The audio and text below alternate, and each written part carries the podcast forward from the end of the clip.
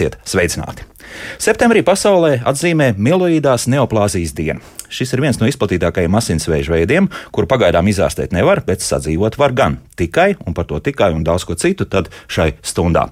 Manas studijas viesnes - hematoloģe, ārste Kristīne Bērnāte, sveicināti! Labrīt! Un asinsvēža pacienta Arta Lāce. Labrīt! Tiksim skaidrībā ar to, ko mēs saucam par asinsvēzi, jo tas tā tad es saprotu, ka šodien mēs runāsim par vienu vei, asinsvēža veidiem. Tā, tā būs, jā. Ja? Uh, nu, tas uzsvars mums šobrīd ir uz mieloīdo neoplāziju. Es gan teiktu, ka precīzāks formulējums droši vien būtu mieloproliferatīvās neoplāzijas. Es par to gribēju prasīt, jā, jo arī šāds termins parādās, un it kā man kā neprofesionālim lasot, liekas, ka ļoti pazīmes ir līdzīgas. Tātad šie mieloproliferatīvā neoplāzija ir tas pats. Jā? Uh, nu, tas nav gluži tas pats. Mieloīdā neoplāzija būtu tāds ļoti, ļoti plašs termins, kas mm -hmm. iek, iekļautu sevi arī akūtās lēkozes, uh, mielodisplastiskus sindromus, un tā skaitā arī mieloproliferatīvās saslimšanas slimšanas, par kurām, kuru to dienu mēs šobrīd atzīmējam. Ja ir jautājums par to, kas ir asinsvēzis, tad, ko es stāstu pacientiem, tā ir ļaundabīga asins sistēmas saslimšana, kas sākas kaulu smadzenēs, kur notiek kādas mutācijas, iegūtas mutācijas laikā, kāda nepareiza, nepareizs signāls tiek dots cilmes šūnām un sāk vairoties konkrētas šūnas. Tās var būt mieloidās šūnas, tur var būt izmainīts arī trombocītu zars vai eritrocītu zars. Tātad mēs pazīstam trīs asins veidu šūnas, ja, leukocītu vai tās ir baltās asins šūnas, ko mēs pieskaitām šai mieloidai zarām. Ja? Uh, tad ir eritrocīti vai sarkanās asins šūnas, ko mēs zinām, un trešās, uh, trešā lielā rinda ir trombocīti vai plātnītis, kā latviešu to dēvē, kas atbild par asins recēšanu. Un, ja tur notiek kāds uh, palaidēja mehānisms, tad šī proliferācija vai sāk vairoties Kaut kas par daudz. Jā. Kaut kas par daudz ir klonālas izmaiņas. Jā. Mm -hmm. Un mēs, ja mēs runājam par leikozēm, tā ir ļoti plaša tēma, ko mēs sadalām savukārt mieloīdās, limfoīdās, akūtās, hroniskās. Tur ir daudz dažādi apakšvarianti šim, šai, lielai, asin, šai lielai slimību grupai. Un tam mēs cauri šodien neizbursimies. Ja? Nu, droši vien, ka nē. Mm -hmm. Tad iemesli ir skaidri, ka kaut kas notiek organismā, vai, vai tomēr neskaidri, kāpēc tad, tomēr tas vienā brīdī kaut kas organismā sāk strādāt ne tā, kā tam vajadzētu būt. Nu, iz dzīves es varu teikt, ka lielākoties mēs nezinām to iemeslu, kāpēc konkrētam pacientam tā ir noticis. Ir, protams, pētīt šie jautājumi, un uh, to, ko mēs zinām, mēs varam atrast mutācijas. Ja, Tātad gēnu līmenī ir notikusi kaut kāda problēma, kad ir. Uh, chromosomas izmainījušās.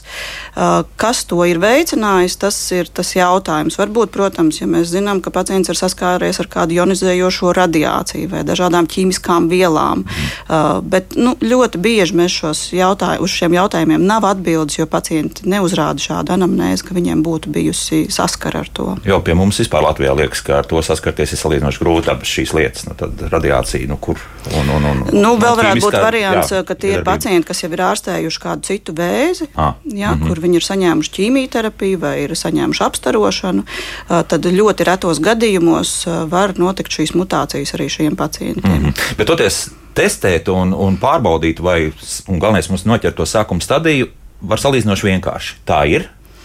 Uh, nu, nu, dzīvē nav tik vienkārši. Jā, jā, jā, jā, bet, jā, jā. bet, ja mēs taisītu asins analīzi, un tieši mēs runājot par mieloīdām, neoplāzijām, to mēs asins analīzē uh, noteikti noķertu. Mēs redzētu, ka tur ir kaut kāda patoloģija, ko tālāk jau izmeklējot, mēs varētu precizēt, kas tas ir. Tā vienkārši... Un vai tās vispār ir, uh, jo nevienmēr izmaiņas asins analīzēs liecina par to, ka tas ir asins vēzis. Asin, izmaiņas asins analīzēs var būt pie dažādām infekcijām, pie angīnas, pie pneimonijas, pie asiņošanas, pie dažādiem citiem Uh, jautājumiem, kad, runājot, kad ja? Uh, ir kāda reakcija un asins reaģē. Tādēļ to, vai tas tā ir patoloģija un tā ir asins problēma, to jau tālāk speciālisti izšķir. Mm -hmm. Arta, kurā brīdī tas tika pamanīts, kas pamanīja un kas notika tālāk? Um, mana vēsture sākās ar it kā angīnu. Tad kā saaugstēšanās, ļoti liels nogurums, asiņojušas smadzenes, bet es tajā laikā gaidīju savu jaunāko bērniņu. Un ginekologs šīs asiņojošās smadzenes norakstīja uz dzelzs trūkumu, pilna asins aina man netika uztaisīta. Uh, to, ka kaut kas ir aizdomīgi, pati es sapratu tad, kad man izkrita no rokas nazis, viņš man uzkrita uz kājas, nesāpēja, es uzreiz nepacēlījos, kaut ko darbojos ar, ēda, ar ēdamu lietām. Un um, tad, kad es pabeidzu, es domāju, es tagad pacelšu to nāzi, un es ieraugu, ka stāvu asiņpeļķē, un es pat neesmu jutus, tas nesāpēja. Uh, tad man likās, nu, kaut kas dīvaini, bet arī es nenorēģēju. Vēl es pamanīju, ka man ļoti viegli veidojas zilumi, bet man vispār viņi diezgan viegli veidojas. Es domāju, nu, varbūt ģimenes ārsts saka, nu, grūtniecei, grūtniecei tā var būt. Jā. jā, Un uh, tad tā kā tāda angīnas augstēšanās, ļoti liels nogurums. Uh, man jau vīrs tā kā pamanīja, ka es guļu viena. Es saku, bet ko tu gribi? Ārā 30 grādi, es esmu 7. mēnesī. Es, nu, tas ir normāli. ja? uh, un, uh, un Un faktiski es domāju, ja es nebūtu stāvoklī, varbūt es domātu, nu, ka es tagad mājās vai netur dzeršu teņus un apārstēšos tāpat, bet man tomēr bija bažas par to, kas notiek ar mazuli. Un tas bija tāds tā kā pārietā angīna, tā kā sākas no jauna, tā kā caurē, ja, un apmēram tādā stilā, nu, tās divas nedēļas, bet tagad savākot bildi kopā, es saprotu, ka tie simptomi ar tām asiņojušām smaganām, nu, bija jau kaut kur kopumā kāds mēnesis, pusotrs, ja tas jau bija tāds laiks. Un um, es, es saku doktoram, kaut kā es netieku galā ar tēņām. Uh, viņi man nosūtīja uz asins analīzēm, tur bija ļoti augsta leukocīta, pazemināta trombocīta, un jau tajā pirmajā analīzē bija norādīts, ka varētu būt nepieciešama hematologa konsultācija, bet es sazinājos ar ģimenes ārstu, viņi saka, bet grūtniecei tā var būt, ja tā ar tie leukocītā stiprāk aug un tā. Viņi saka, nu, dienu izlaižot atkārtos to analīzi. Atkārt atkārtoja, tie leukocīti jau bija dubultojušies, trombocīti vēl bija nogucušies, un faktiski viss tā lapa bija sasvītrota jau. Doktori saka, man zvana no rīta no laboratorijas, viņi saka, jums es teigu jāiet pie ārsta, es nesaprotu, kāpēc man, nu, kas. Kādi, ja? Jā, pie ģimenes ārsta, pie ģimenes ārsta, ejiet pie ģimenes ārsta, es saku, kas noticis, kāpēc, nu, parasti jau nekad no laboratorijas nezvan. Ejiet pie ģimenes ārsta, jums ir jāiet pie ģimenes ārsta, es zvanu ģimenes ārstam, es saku, mani, jā, mani sūta pie jums, ja. Viņi apstīja to analīzi, viņi saka, nu, bet tev vajadzētu pie Lorā aiziet. Ja, bet man, protams, miera nav. Es sāku vandīties internetā, māte Google, ierakstu tas, ko es pamanīju, zemi trombocīta, augsts leikocīta, un man pirmā izlaica akūta leikēmija. Ja, un otrs bija mielodisplastiskais sindroms.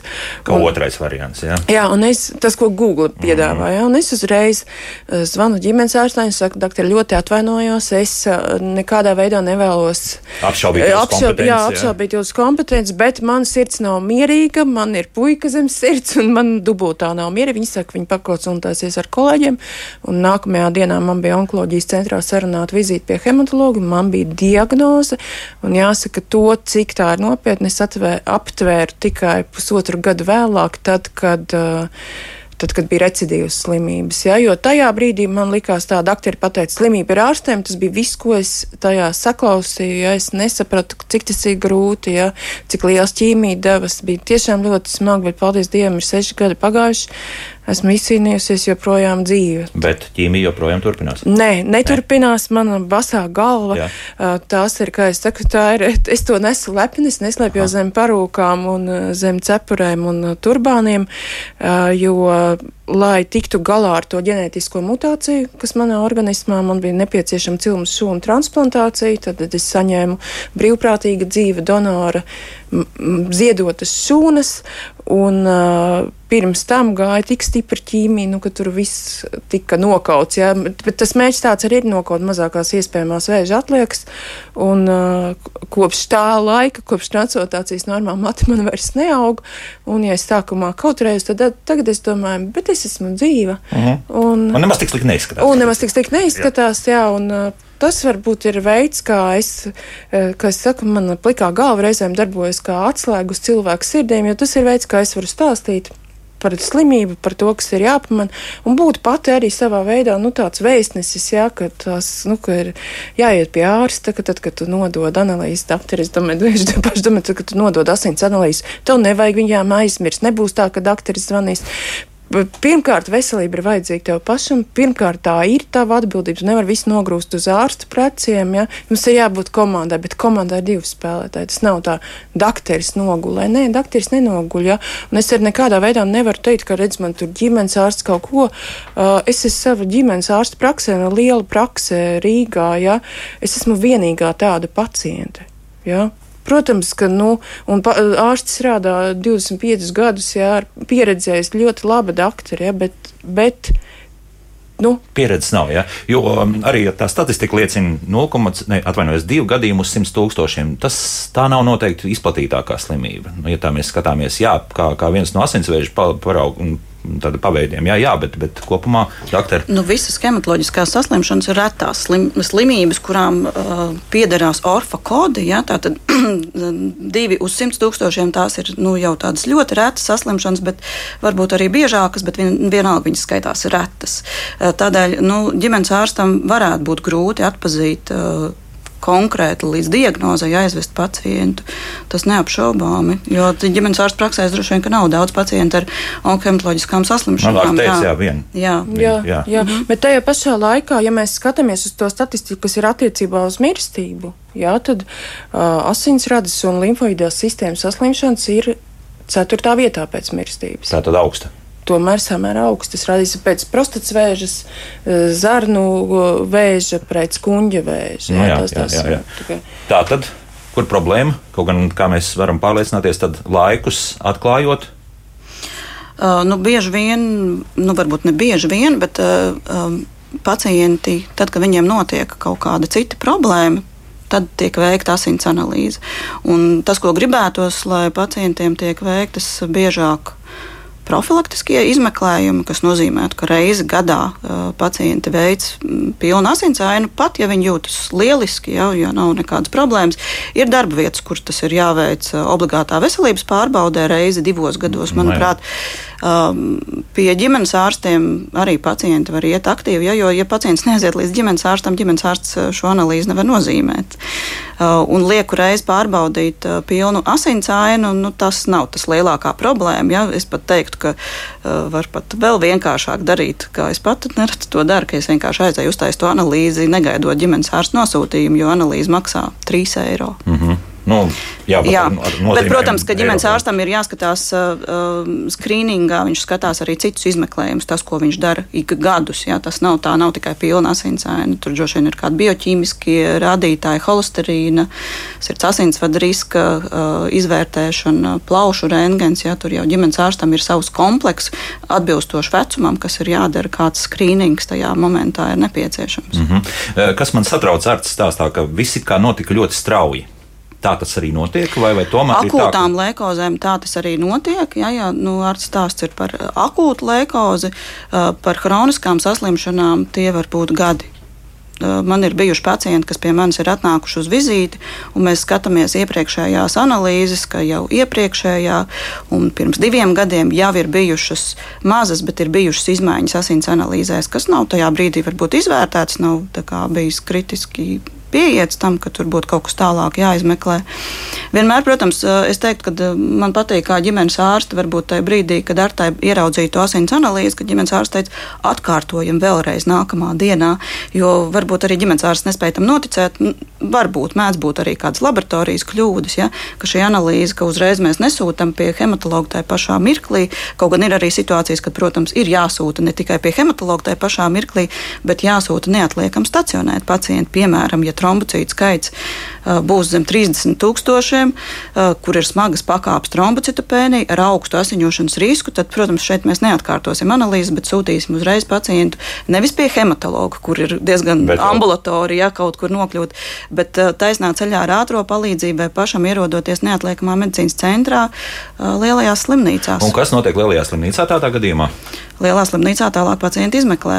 Hematologi gan ir tikai divās universitātes, ne, nu, melošu trijās, ja arī bērnu slimnīcā slimnīcā, protams, ja, Austrum slimnīcā, Stradiņos un Bērnu slimnīcā ir hematologi. Ir reģionālās slimnīcās Liepājā, Daugopilī un Rēzeknē ir pa hematologam. Nu, kur tālāk, ja ir nepieciešams, tad uzņemšanas nodaļas ārsti veids papildus analīzes, izmeklējumus, un tad ir zvans hematologam. Ko darīt tālāk? Jā, un terapija, kad sākas, nu, tad, tad ja diagnoze tiek noteikta, tad. Kas no, no tālākie soļi? Nu, tur nu, tas ir atkarīgs no diagnozes. Jā. jā, jo nu, akūts lēkodzes stradiņa slimnīcā principā neārstējam. Tās ir uh, austrums slimnīcas kompetences ziņā, kur ir specializēta nodaļa, kas ir akūtām lēkozēm un augstu devu ķīmijterapija. Arī transplantācijas nodaļa vienīgā ir Rīgas Austrum Kliniskā universitātes slimnīcā. Uh, bet pārējās lietas, uh, ko mēs diagnosticējam, tas ir atkarīgs no tā, ko mēs diagnosticējam. Tādēļ, ka hroniskās saslimšanas iespējams, ka ir ambulatori pacienti, ja, kuri varbūt stacionārā nokļūst, varbūt arī nenokļūst, varbūt viņi nokļūst kādas citas jau komplikācijas slimības dēļ, piemēram, mieloprofilaktīvu saslimšanu gadījumā tas var būt tromboze, kur pacients ir nonācis ar insultu, ar plaušu arteriju trombemboliju, jau ar smagām tādām kliniskām izpausmēm, un tikai tad konstatē, ka asins analīzēs ir teiksim, paaugstināta trombocīti. Ja? Un tad tālāk jau novērš šo akūto situāciju, un tālāk jau pacientam tiek uh, rekomendēta tālāk terapija. Mm -hmm. Kā jums klājās tālāk? Nu, tad mm. viss pirmais tad šis etaps ir noteikti šoks. Tad, kā dzirdējām, arī zināmā mērā miers ir iestājies, tāpēc, ka ir skaidrs, ka, ka dzīvot, dzīvosim, jā, bet. Nē, tas nebija skaidrs. Tas ceļš nav tik vienkāršs, jo faktiski Eh, akūtas leikēmijas ārstēšana nav gluži paracetamols pret galvas sāpēm. Pirmkārt, tas ir eh, ķīmijas devs ir ļoti liels. Es, es pēc tā pirmā kursa tiešām bija tāda situācija, kad man tuvinieki bija sasaukt atvadīties, un, eh, jo izskatījās pavisam bezcerīgi, kaut kādā dīvainā kārtā ir pagājuši seši gadi, un es joprojām esmu dzīva, bet tas ceļš ir bijis ļoti, ļoti grūts, jo arī tad ar diviem recidīviem, ar, ar komplikācijām, ar transplantāciju, un tā nav, ka, tu, no, ka tev ir transplantācija, un tad tik viss ir nu, notiek, dzīvo jā. laimīgi, mm. ja tad sākas, jo, jo tā tomēr ir ļoti smaga medicīniska iejaukšanās, un nākamā rītā mājās to aiziet tikai filmās, ja realitātē tas man prasīja pēc transplantācijas gan rīz, nu jā, divi pus gadi, faktiski šis ir pirmais gads, kad uh, es varu teikt, es tagad es gadu neesmu bijusi slimnīcā, es tieši šajās dienās svinu jubilēju kopš pēdējās reizes slimnīcā. Nu, tā piesargi es, apsveicu ar to. Jā, jā, jā un, un, un, un tas man ir prasījis sešus gadus, ja šogad es atsāku strādāt. Nu, kaut kā es esmu, varētu teikt, vairāk vai mazāk atgriezusies normālā dzīvē, bet tas ir ilgs process. Pats galvenais ir tas, ka ar manu puisīti viss ir kārtībā, jo viņu bija jāķiezero priekšlaiks, viņš bija samocīts, vēzi tādā veidā nepārmantoja. Un es ceru, ka nav nekādas no tām mutācijām nodotas, bet man laikam ir tā mutācija, ko nenodot pārmantojot. Uh, tā, tā, tas man tā, tā lielākā motivācija man arī ir bijusi bērni. Tas, tas process ir bijis ļoti grūti, bet saprotiet, tas ir dziļi individuāli, tāpēc ka tu nekad nevari pateikt, kā tas uh, mm. individuālais organisms ir statistika, ka varbūtības un tad ir ne, tavs unikālais gadījums. Mm -hmm, tad mēs arī daktrē jautāsim, tātad katrs gadījums ir pil, pilnīgi individuāls pēc būtības, jā? Nu, ja mēs runājam par akūtām lēkāzēm. Jā, jā. Nu, uh, mutācijas status. Es neesmu pats spēcīgākā hematoloģija akūta lekožu jautājumos. Jā, es domāju, ka mēs vairāk par mielu profilaktīvām saslimšanām runāsim. Jā, bet uh, mutāciju status ir dažāds. Ir, protams, mutācijas, kas atkārtojas, un šīs mutācijas kādēļ nosaka? Nosaka tādēļ, lai saprastu prognozi. Jo katrai mutācijai ir laba, vidēja vai uh, augsts risks jā, tādai uh, remisijas iegūšanai. Ja? Un no šīm mutācijām arī bieži vien ārstiem ir jāizvēlas taktika. Ja? Protams, ka ja slimība atkārtojas, ja tu ir recidīvi sauktie, tad tas ir iemesls, kādēļ ir uh, jāveic transplantācija, bet iespējams, ka jau transplantācija ir jāveic pirmajā remisijā, jo ir mutāciju status tāds un tāds, kas ir augsts risks, ka būs atkal slimība atpakaļ. Tādēļ, nu, protams, un katrs pacients mums ir vadlīnijas, pie kurām mēs pieturamies, ja kāda terapija ir, ir nepieciešama vienai, otrai mutācijai, augstam, zemam riskam. Bet kā katram pacientam veiksies ar terapiju, kādas būs komplikācijas, agrīnās transplantācijas komplikācijas, vēlīnās transplantācijas komplikācijas, to mēs nevaram paredzēt. Un tas ir no pacienta uz pacientu. Jā. Mm. Protams, ir tas, ko mēs gaidām. Ja ir komplikāciju saraksts, ir, ir konkrēts, ko mēs gaidām pēc alogēnas transplantācijas. Bet kā tas ir? 80%, kā doktors teica, šīs būs tev ar 100%, šīs būs 80%, tev būs, šīs būs 70%, šīs 50%. Un tas bija iemesls, kāpēc es pēc pirmās uh, remisijas neaizgāju uz transplantāciju, reiz tāpēc, ka es vienkārši naturāli pārbijos. Man likās, ka tā ir vispār pašnāvība. Un ja man ir jāmirst, tad labāk bez mokām tiešām, jā, paldies Dievam, tomēr, tomēr man bija iespēja transplantēties arī pēc otra recidīva, jā, un, jā, bet tas ir, protams, arī emocionāli ļoti smags process, tāpēc, ka tu tiec konfrontēts ar nāvi, ar savu birstīgumu, ar milzīgu neziņu, jā, jo arī ārsts tev nevar pateikt, Nu, viņš godīgi pasakā, es nezinu, jā, mm. varbūt, bet es nezinu, kuros procentos tu trāpējies. Jā, bet Man vienmēr visiem vēža pacientiem gribas teikt, nu, ka, ja tu to pieņem, ka tas ir, nu, ir tev tas ceļš tāds, nu, tu gribētu, protams, pa gludu asfaltu staigāt, bet tev jāstaigā pa cūku rakumiem, jā. Ja? Pieņemot to, kļūst stipri vieglāk, un tad tu sāc skatīties tā, ok, man ir grūti, es tiek konfrontēts ar visiem šiem jautājumiem, arī ar sāpēm, ja? bet ko es no tā varu iemācīties, ko es no tā varu iegūt? Un es viennozīmīgi par sevi teiktu, ka man tā bilance ir pozitīva, un šobrīd es esmu iesaistījusies onkoliansē, kas apvieno uh, onkoloģisko pacientu organizācijas. Tas, tā mana doma ir tāda, lai šīs ciešanas briesmīgās nebūtu bijušas bezjēdzīgas. Es, kā saka, nu, gribu pārvērst šos vārdu, neteikšu, auglīgā mēslojumā. Ja, tas ir tas, ko es varu darīt. Vienmēr sakot, cīnīties ir vērts. Ja? Nu. Viennozīmīgi. Jā, Vai mums sagaidīja radioklausītājs? Halo! Labrīt! Es gribēju iezīmēt to ainu, kāda šobrīd veidojas medicīnā. Piemēram, izmeklēties uh, provincē reumatologs, hematologs, lai varētu izdarīt diferenciālu diagnostiku, ir ļoti liela problēma. Tam ārstam ir ilgstoši jāstrādā ar to pacientu, jā, un šobrīd, ja ir palielināts limfmēskulis, izmeklēties, kur ir tik garas rindas uz kompjūteru tomogrāfiju, lai tad konstatētu šīs analīzes, tur pastāvīgi ir jāapmeklē ārsts un jāsaskaņo tās analīzes, jāpārāk jāpārskata. Tā kā es domāju, ka tas kopumā skar visu medicīnas sistēmu, jā, ka nav atrisināts ne augas jautājums, ne arī personāla jautājums. Un tagad, piemēram, pie palielināta līmfmēs, ko es gribētu zināt, kādas analīzes ir jāizpilda, jā, jo, teiksim, ar vienu pašu analīzi bez diferenciāla diagnostikas, tur jau ir IgM, IgG, un arī tās pašas hematoloģiskās analīzes, tur var būt daudz variantu. Nu, lūk, kā tas viss izskatās. Labi, jā, paldies. Zināt pie palielināta līmfmēra. Paldies. Jā, jā. Paldies par zvanu. Uh, tas, ko es gribēju pastāstīt par, ja pats šobrīd pēdējos gadus eh, tieši tā primārā diagnostika nav problēma Latvijā, jo, ja pacientam ir palielināts limfmezgls un ģimenes ārstam, pacients griežas pie ģimenes ārstā, tad pie savu primārā aprūpas speciālista ģimenes ārsts to izvērtē, veids kādus papildus izmeklējumus, analīzes, plaušu rengenu, ultrasonoskopiju iespējams. Tas ir ģimenes ārsta kompetencē, uh, bet ģimenes ārstam, ja ir aizdomas, ka tā ir ļaundabīga Uh, limfmezgla saslimšana, tad ģimenes ārsts uh, sūta pacientu pie speciālista caur zaļo koridoru, nosūtot ar speciālu diagnozes kodu. Pats ģimenes ārsts vai ģimenes ārsta mās, uh, prakses māsiņa sazvana konkrētos zaļā koridora tālruņus, kas ir gan Austrum slimnīcai, gan Paustradiņas slimnīcai. Atsevišķi tā nav kopējā reģistratūra, kur ir grūti sazvanīt, bet tas ir tas ātrais telefons arī reģionos. Es domāju, ka Liepājā un Daugopilī ir iespējams to darīt.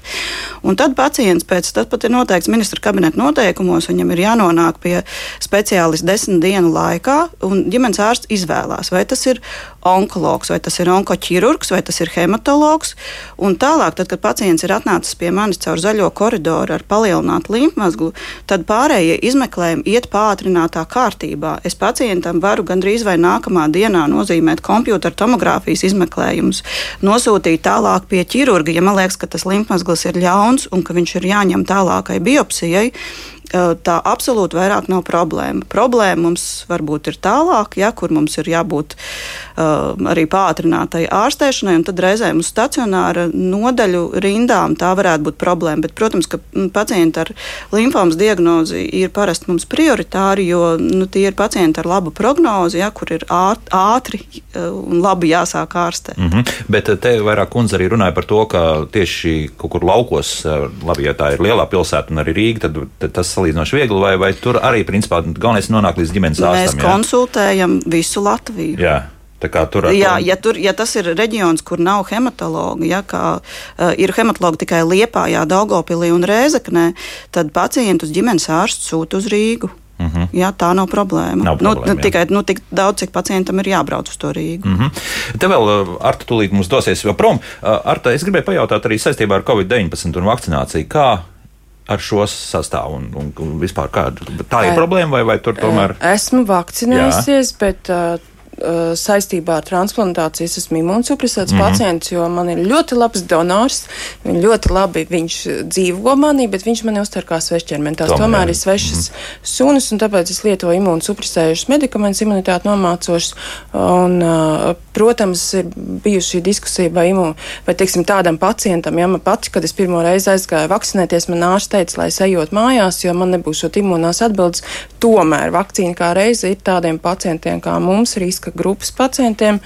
Un es tomēr uh, konsultējusies ar citiem ārstiem, es tomēr esmu vakcinējusies, jo arī, ja man tā imūna atbilde varbūt nebūs tik uh, laba tā kā veselam cilvēkam, ja, uh, tas vienalga ir vairāk nekā nekas, un tas var man pasargāt, jo skaidrs, ka visas šīs sistēmiskās infekcijas, kaut vai tā pati gripa vai tas pats covid, ja, ka man tas varētu būt dubultā smagi nekā cilvēkam, kuram nav šādas anamnēs. Tā kā gripas vakcīna arī būs visdrīzākais, jā? Nu, jā, jā, jā mm -hmm. gripas vakcīna, pneumokoks, jā. jā nu, kā, un, citādi, un, un, un es, es, es vakcinējos, es nekādā ziņā neesmu antivaksters, daru visu, lai es turētos pie dzīvības mm -hmm. un samazinātu, maksimāli samazinātu tos risks. Tagad vēl kaut kādu vārdu uz, uz, uz, uz šīm.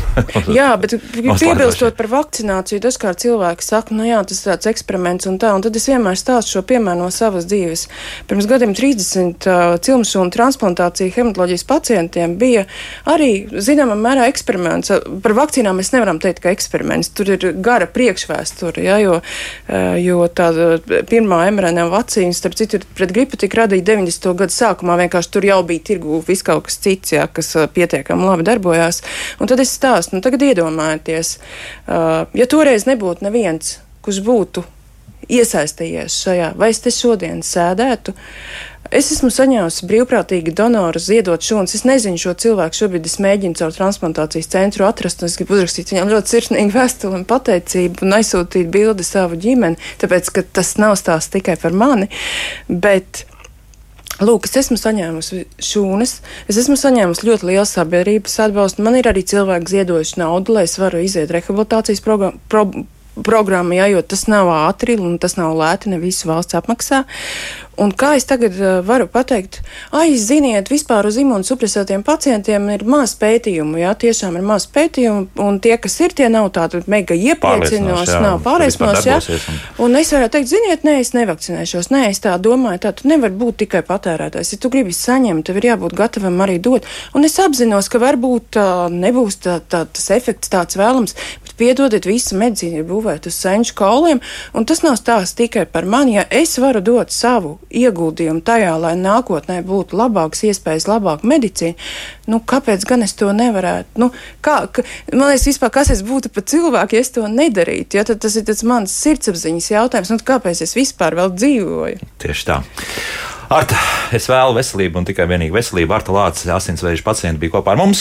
Paldies, un lai veids laikam darbos, jā, šodien. Jā, jā. jā šodien darbos. mums, mums mūzika, un pēc mūzikas turpināsim mēs mūsu sarunu. Kā labāk dzīvot? Šodien mēs tomēr vajadzētu runāt par mieloproliferatīvo neoplāziju. Ja?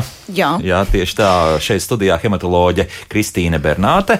Un esam attālināti sazinājušies ar Lauku ģimenes ārstu asociācijas vadītāju Līgu Kozlovsku. Eh, doktor, sveicināti! Labdien! Un, uh, pirms mēs sākam runāt arī ar Kazlauskas kundzi, es uzklausīsim ar vienu radioklausītāju, kas ļoti ilgi gaidījusi. Lūdzu, jūs tagad varat runāt. Labdien! Labdien. Man ir mieloproliferatīvā neoplāzija hroniska. Un, ziniet, nu, ka tad, kad uh, man uzņēma pirmā asins pārliešana nesen, man bija 5,8 hemoglobīns un 2 eritrocīti es knapi varēju pakustēties. Tad, kad man nozīmēja uz slimnīcu, man bija 7,6 un seši eritrocīti. Tad nu, es mēģinu uzzināt, nu, kad man būtu tomēr, nu, nu, kad tas pašs apakšā robeža, kad vairs nevar gaidīt, kad jāiet slimnīcā. Man tā arī neviens nepateica. Nepateica, jā. Labi, paldies. Nu, tad sāksim šajā gadījumā ar doktoru Bernāti. Jā. Jā, labdien, es mēģināšu atbildēt. Mhm. Uh, Tas ir atkarīgs patiesībā, ko saka jūsu ārsts. Es nezinu, nevaru redzēt aiz uh, rādio, uh, kādas jums ir blakus saslimšanas, cik vecs jūs esat. Parasti mēs asins pārliešanas veicam tad, kad hemoglobīns ir zem 80. Uh, ja pacientam ir vairāk blakus saslimšanas, sirds asinsvadu saslimšanas, kuras varētu prasīt nu, uzturēt šo hemoglobīnu augstāku, tad varētu būt arī kaut kādi izņēmumi. Bet lieki asinis asinis nepārlēj, jo asinis tomēr arī ir uh, donora uh, produkts. Ja, tas ir svešķermenis, un lejam mēs tikai tad, kad ir nepieciešams. Pārlietie um, eritrocīti dzīvo 100, nu, 120 eh, dienas tas ir tādā normālā vidē, kad viņi rodas mūsu pašu organismā. Iespējams, ka pārlietie eritrocīti dzīvos īsāku laiku. Tādēļ lejam tad, kad ir nepieciešams, kad ir simptomi un kad hemoglobīns būs zem 80 gramu litrā. Mm -hmm. Bet šeit, kungs, liekas, bet tas, jūtas... būs, bet tas būs atkarīgs no mm, pacienta ārstējošā ārsta lēmuma, kurš pacientu pazīst labāk un zina viņa blakus saslimšanas. Mm -hmm. Jā, tad šeit tomēr saruna ar ārstu būtu nepieciešama. Jā, jo... jā nu man grūti ir pateikt, jā, ja pacientam ir mieloprofartīva neoplāzija, tad viņš noteikti ir hematologu uzraudzībā un nāk regulāri dinamiski novēroties pie hematologu reizi divos vai reizi trijos mēnešos, kurš nozīmē analīzes un seko līdz šiem rezultātiem, un tad arī, kad ir nepieciešams nosūt pacientu uz stacionāru. Ja tā, ja pieauga dinamikā nespēks un pacients jūtas sliktāk starp šīm vizītēm hematologu, tad pacients vienmēr var griezties pie ģimenes ārsta, vai arī, ja ir ļoti slikti, arī izsaukt ātrumedicīnisko palīdzību, lai to izvērtētu, vai ir nepieciešama stacionēšana. Tomēr arī šīs regulārās uh, ārsta apmeklēšanas reizes. Man grūti ir pateikt, jo no mieloprofatīvām saslimšanām tikai vienai ir raksturīga šāda anēmija, un jā. tā ir miela fibroze. Jā, tātad zem mieloprofatīvām saslimšanām mums ir trīs diagnozes uh, - policitēmija vēra, īstā policitēmija, esenciāla trombocitēmija un miela fibroze. Un miela fibroze ir tā slimība, kas uh, varētu prasīt regulāras asins pārliešanas. Mm -hmm. Nevienmēr, bet smagiem nu, pacientiem. Mēs arī dzirdējām visdrīzākais, jā. Jā, ka tas tā ir. Bet tagad iesaistīsim arī doktoru Kazlausku sarunā. Un, proti, nu, šeit arī šai slimībai ir vitāli svarīga tā pirmā, nu, principā reakcija arī no ģimenes ārsta puses. Cik ģimenes ārsti labi atpazīst šobrīd šo slimību? Nu, mēs ģimenes ārsti noteikti neesam hematologi. mēs esam ģimenes ārsti, kas ir, jāsaka, mācīti un mūsu kompetence ir primārā veselības aprūpe, bet neapšaubāmi mums, mūsu zināšanās un kompetence ir arī e, asins Ah, tā, pazuda, diemžēl. Halo, halo, halo! halo. Nu, laikam būs, eh, mēs vēl sazināsimies ar, ar, ar, arī ar Līgu Kazlausku. Kaut kur, mē, eh, diemžēl, ārsts pazuda, bet mēs turpināsim mūsu sarunu. Un šeit arī mājaslapā viens jautājums Zanda mums raksta šādi. Mammai 88 gadi, kopš mājas strauji savairojušies leukocīti līdz 60 tūkstošiem, sākotnējā diagnoze HLL. To es tu, tu, komentēsit. Vai ir vecuma ierobežojuma slimība apturošai terapijai, jo 88 gadi tas jau ir diezgan nopietni. Uh, HLL nozīmē hroniska limfolēkoze, kas gan neiet mūsu šodienas tēmā, mm -hmm. bet arī ir viena no hroniskām lēkozēm. Uh, vecums kā tāds nekad nav uh, ierobežojošs faktors. Ierobežojošs faktors ir uh, blakus saslimšanas. Kaut gan pēc uh, chroniskas limfolēkozes vadlīnijām tur sadalās terapija pacientiem virs 65 gadiem un zem 65 gadiem, un vēl tur no citiem apstākļiem uh, atkarīga. Uh, bet to, vai ir vispār nepieciešama uh, specifiska terapija, to izlemj ārsts, jo ne visām chroniskām lēkozēm, tā skaitā arī chroniskai limfolēkozei, tūlīt un tagad ir nepieciešama specifiska ārstēšana. Šeit var būt ārstam taktika, ka pacients ir tikai novērojams. -hmm. Ja nav, ja pacienti, ja slimība ir sākuma stadijā, nultajā vai pirmajā stadijā, tad pacients iespējams ir tikai no, novērojams. Protams, 60 tūkstoši tas ir diezgan daudz. Nezinu neko citu par šo pacientu, ja tādēļ man grūti tur būtu jāvēršas pie savu hematologu un šīs jautājumu jāapspriež. Jā. Jā. Bet eh, kopumā runājot par šīm neoplāzijām, tad eh, tā ir arī vecuma tomēr, zināmā mērā, slimība pēc 50, un tad eh, strauji pieaug šo gadījumu skaits. Ja? Nu, tas pīķis šīm slimībām ir starp 50 un 70 gadiem, mm -hmm. kad slimo visvairāk ar mieloprofitīvām neoplāzijām, bet jāsaka, ir arī gados jauni pacienti. Slimības, slimību grupa galīgi nav raksturīga bērnu vecumā, kaut gan ir bijuši arī atsevišķi gadījumi. Arī es esmu redzējis ar policitēmiju vēru pacientu, kas saslim 16 gados, uh, bet tas pīķis ir tiešām gados uh, vecāki pacienti, uh, kur arī tur atšķirās pa dzimumiem.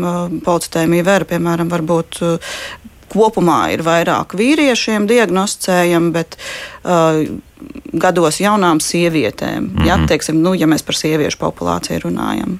Jā, nu, tas arī ir ārtas gadījums pēc būtības. Ir, jā, nu, ārtā ir akūta laikos, nu, jā, ārtā ir cita slimība. slimība jā. Jā. Tā, mēs esam atguvuši arī Līgu Kazlausku. Kazlauskas kundze, jūs tagad arī mani dzirdat, jā?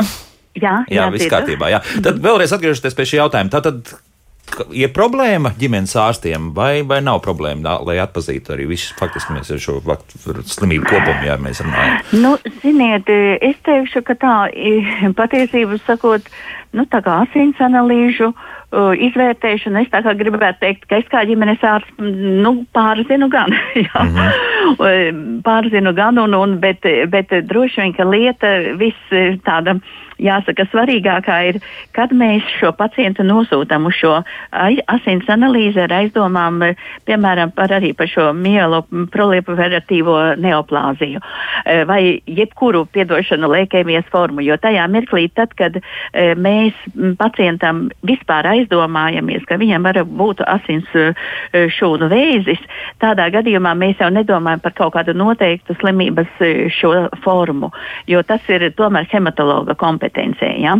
Bet mēs tātad noteikti šie simptomi vienmēr ir ļoti nespecifiski, kad pacients pie mums atnāk. Vai nu tas ir nespēks, nogurums, kā jau runāja arī pacienti, varbūt tās asiņošanas, zilumi kaut kādi uz e, kājām, tad tur arī vēdera problēmas, ja, spiediens kuņģa apvidu un, un, un, un galvenais ir šis nespēks un iespējamās arī tādas kā vīrus infekcijas simptomi. It kā parasta gripa vai it kā parasts vīrus, bet tas parasti die, iet diezgan ilgstoši un ar, kā jau es teicu, lielu nespēku.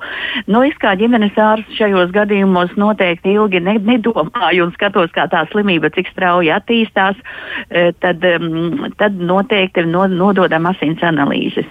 Un ja cilvēks jau ir pie hematologa uzskaitē ar šo, piemēram, slimību, tad, tad jau ir tā lieta ne, tomēr nedaudz vienkāršāka. Mēs e, darbojamies, sadarbojamies ar hematologu. Vienmēr eh, hemato, ir eh, pacientam hematologa telefons, ja, ja mēs ģimenes ārste to netiekam dabiski galā. Un nevar, nezinu, vai mēs to varam arī vienmēr nokonsultēt pareizi, bet, bet tad ir tā ļoti labā sadarbība. Bet sliktākais variants ir tad, kad ir šī, jāsaka, šīs izmaiņas asins analīzē, ko mēs atklājam. Nu, un, un man liekas, arī ma, mani kolēģi hematologi arī to pateiks, ka tā pieejamība pie hematologiem nemaz nav tik vienkārša. Nu, jā, jā. Un, tur, un tur ir gan tās eh, garās rindas, un, un tad, kad ja ir piemēram akūts gadījums, nu, visbiežāk mēs jau tomēr nosūtām uz slimnīcu. Ja? Un man arī ir šādi pacienti, trīs, kādi trīs, varbūt, nu, ja rēķina vēl citas eh, leikožu formas, tad ir kādi seši Jā, bet, e, bet nu, es saku, labā ziņa ir tad, ja, ja šie pacienti man ir kontrolēti e, sadarbībā ar hematologu. Jā, Vienmēr sakot, ja cilvēks ir sistēmā iekšā, tad, tad viss puslīdz strādā. Jā, tad ir viss kārtībā, mm -hmm. bet sākums. Bet to, ko pacienti runāja par to, e, jāsaka, ļoti smago anēmijas formu, dabiski, ja ir smaga anēmijas forma, es zvanu uzreiz uz uzņemšanas nodaļu, ja, kad nepieciešama šī asins pārliešana, jo, piemēram, hemoglobīns ir ļoti zems.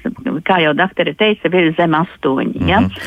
un, un tad, tad vienkārši tas uh, celiņš atkal ir tāds, ka uh, slimnīcā piesaka lokālajā slimnīcā. Ja, ja tā nav Rīga, piesaka asins um, gan jāsaka asinis, jā, caur noteikti jānosaka arī pie mums ģimenes ārstiem asins grupa, rēzus faktors, un tad jau cilvēks tādu vienkāršāku celiņu ar mūsu nosūtījumu otrā vai trešā dienā nokļūst uh, terapijas nodaļā un viņam pārlēj asinis. Ja? Mm -hmm. Tā kā īstenībā man tā, tā, tā sistēma ir skaidra, tikai nu, pirmais pats grūtākais mirklis ir tā diagnozes uzstādīšana un nokļūšana pie hematologa. Ja? Mm -hmm. tā, tas, tas ir tiešām grūtākais Jā. ceļa posms. Bet mūsu pacients ārsts tomēr tas stāsts bija tāds, ka ģimenes ārsts nu, šaubījās. Jā, viņi izdarīja pareizi soli, uztaisīja uzreiz vēl vienas asins analīzi. Jā, tad, bet, bet kopumā nu, tās šaubas pastāv. Un, un vai, vai mēs tomēr varam runāt, ka visi, nu, cik mums tagad ir tie ģimenes ārsti, Ne, visi jā, tomēr zina. kas- 1256 Jā, ģimenes ārsti e, šaubas vienmēr pastāv. Jo, e, kā jau arī doktori teica, šīs asins analīzes var izmainīt. Tas būtu arī, piemēram, ļo, pie ļoti smagiem iekaisuma procesiem. Ja? Piemēram, kaut vai nu, ļoti smags e, plauškarsonis ar intoksikāciju arī var būt izmaiņas. Ja? Vai arī ļoti smaga vīrusu infekcija arī ar intoksikāciju, ja tādu or, organisma saindēšanos. Tas arī var būt ļoti izmainītas uz kaut vai. Nu, un tad mēs skatāmies tiešām dinamikā šīs asins analīzes. Mm. Bet runājot par to gadījumu, par to grūtnieci, es atkal no vienas puses tieši drusciņ tā kā brīnos, jo uh, pirmajai asins analīzei eh, grūtniecei jau jābūt noteiktai stājoties uzskaitē. Ja? Tas jau ir mūsu valsts grūtnieču uzraudzības programma. Un tad jau mēs uzreiz varam to redzēt. Pirmajā lielajā asins analīzē, ka tur ir iespējamas kādas izmaiņas. Grūtniecēm drīkst būt nelielas izmaiņas, bet mēs tā kā ģimenes ārsti, es, piemēram, kas veids grūtniecības uzraudzību, es to nu, tā kā pa- arī zinu, un es domāju, ginekologi arī to zina. Mhm. Bet varbūt ka tas viss tiešām notiks strauji. Šeit atkal doktorai Bernātei jautā. tā, tā varētu būt, ka tieši viss ļoti strauji ka varbūt notiks. ļoti strauji akūts gadījums, jā, Starp diemžēl. pirmo tā var trimestru būt. un trešo trimestru tur Pilnīgi Jā, noteikti. Jā. Jo pacientei diagnosticēja akūtu lēkos, kas reizēm ir nedēļu jautājums. Mm -hmm. jā, tātad viņai stājoties uh, uzskaitē, visdrīzāk asins analīzes bija pilnīgi normas robežās. Uh, paldies uh, doktorai Kozlovskai par komentāru. Mēs arī priecājamies vienmēr sadarboties ar ģimenes ārstu un nekad neatsakām konsultēt. Ja ģimenes ārstam nav kaut kas skaidrs, var arī zvanīt telefoniski. Es domāju, jebkurš hematologs uh, labāk nokonsultēs pa telefonu, varbūt, ja, jo tā pieejamība, par pieejamību runājot, uh, tas es vēlreiz atkārtošos, ja mums ir aizdoms par uh, asins vēzi, tad uh, nav problēmas ar pieejamību. Ģimenes ārsts sūta pacientu caur zaļo koridoru. Pieejamības problēmas varētu būt tad, kad pacientam ir mm, citas hematoloģiskas problēmas, kas nav varbūt nav Ar aizdomas par saistīts, jā. onkoloģiju. Jā. Jā. Jā, nu, piemēram, dzelzceļa deficīta pacientiem uh, nokļūt pie hematologa ir diezgan sarežģīti. Jā, tās rindas ir ļoti garas. uh, Hematologu skaits uh, Latvijā ir nepietiekošs, jā. 11 kas cilvēki, jā. strādā ambulatori. Uh, jā, nu, tas ir jautājums, kur noteikti varētu būt labāk. Mm -hmm.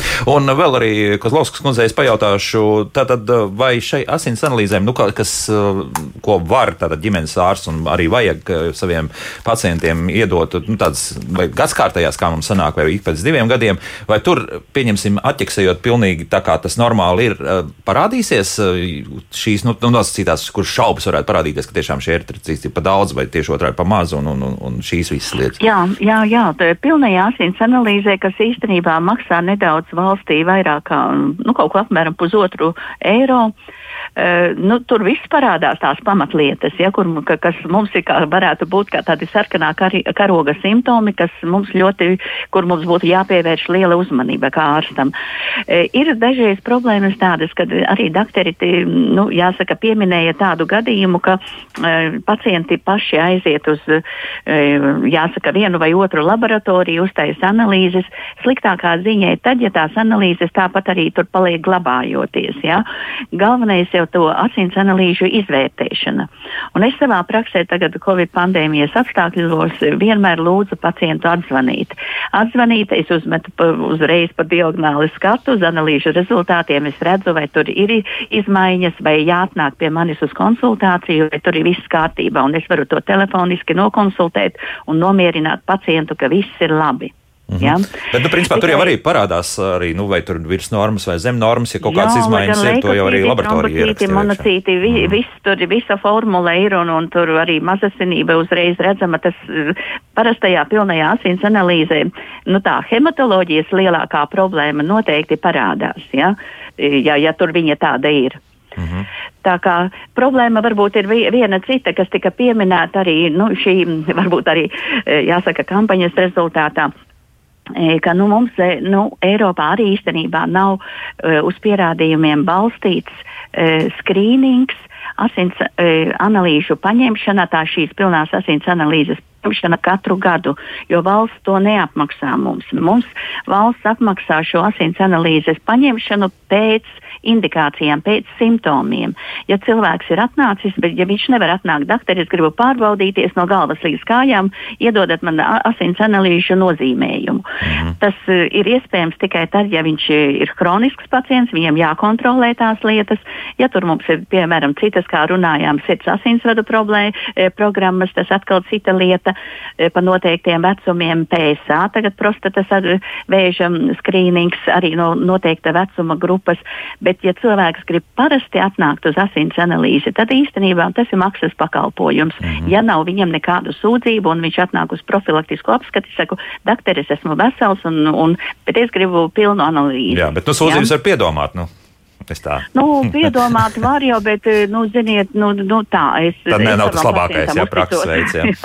jā, lūk tā. Un uh, tas nozīmē, ka, principā, es saprotu, ka vislabākais būtu tomēr iet uz to, ka, nu, nu, varbūt reizes divos, varbūt reizes trijos gados, tomēr valsts apmaksā šīs asins analīzes. Doktorai Bernātei arī jautājuši, varbūt tā nu, man labi. tas bija pārsteigums, ka ministra kabineta noteikumos nav valsts apmaksāta pilna asins aina. Nu, tas, ko saka dr. Kozlovskis, nezināja tiešām. Ja, jā. Jo mūsu hematologs absolūti neierobežo analīžu nozīmēšanā, ja mums nav nekādas kvotas patiesībā. Nu, tikai tas, kas skaitās valsts apmaksāts, to mēs, protams, varam mm -hmm. nozīmēt diezgan neierobežoti. Mm -hmm. Tādēļ es brīnos par to, ka, nu, ka tas tā ir ja tas tā ir, tad tas īstenībā ir jautājums, kas Straujā būtu jārisina, jā. lai ministra kabineta noteikumos būtu uh, tas paredzēts, jā, ka vismaz reizi mm. divos gados, nu, kaut kā mēs jau runājam, jā, ka tā analīze, protams, nav dārga, ja tā maksā tik, cik piena paka veikalā, apmēram, ja, nu, kas. Uh, mm. Pacientam. Uh, pacientam. Pacientam, pacientam, pacientam jā, jā, nu, jā, pusotrs, nu, pusotrs eiro ir pati analīze, jā, plus jā, vēl asins noņemšana. Ja to dara ģimenes ārsts praksē, tad par asins noņemšanu nav jāmaksā. Jā. Jā. Nu, jā, nu šobrīd, ja tas mm -hmm. nav mhm. pēc ministra kabineta noteikumiem uh, iekļauts, ka tas ir skrīnings, pilna asins. Daudz lietu mēs varētu izķert, vai ne, jā, ja mums tad, regulāri tas jā. notiktu. Jā, tieši tā. Mums jā. ir jā, jā, ko es varbūt vienu vēl teikumu, jo, ziniet, tāda pati liela problēma un varbūt nemazāka ir arī ar HIV un AIDS pacientiem, jo mēs arī tagad ar abām asociācijām, infektologu un, piemēram, lauku asociāciju cīnāmies savā veidā, lai būtu arī HIV AIDS eh, šī skrīninga analīze iekļauta valsts programmā, jo tā, tā arī nav iekļauta. Ja? Un tas no, jā. nozīmē, ka cilvēkam īstenībā jāmaksā pašam par šo analīzi, lai gan, piemēram, tie paši simptomi ir ļoti līdzīgi arī nu, jebkurai leikēmijas formai, ja, nu, izņemot akūtē, bet arī ieska, ieskaitot akūtu. Jā, tā kā vēl ir daudz ko darīt. Bet šodien saku lielu paldies hematoloģijai Kristīnai Bernātei un lauku ģimenes ārsta asociācijas vadītājai Līgai Kozlovskai par sarunu. Paldies! Paldies! Un skatāmies Paldies. nākotnē tomēr ar tādu pozitīvu noti. Jaukdien visiem un tā!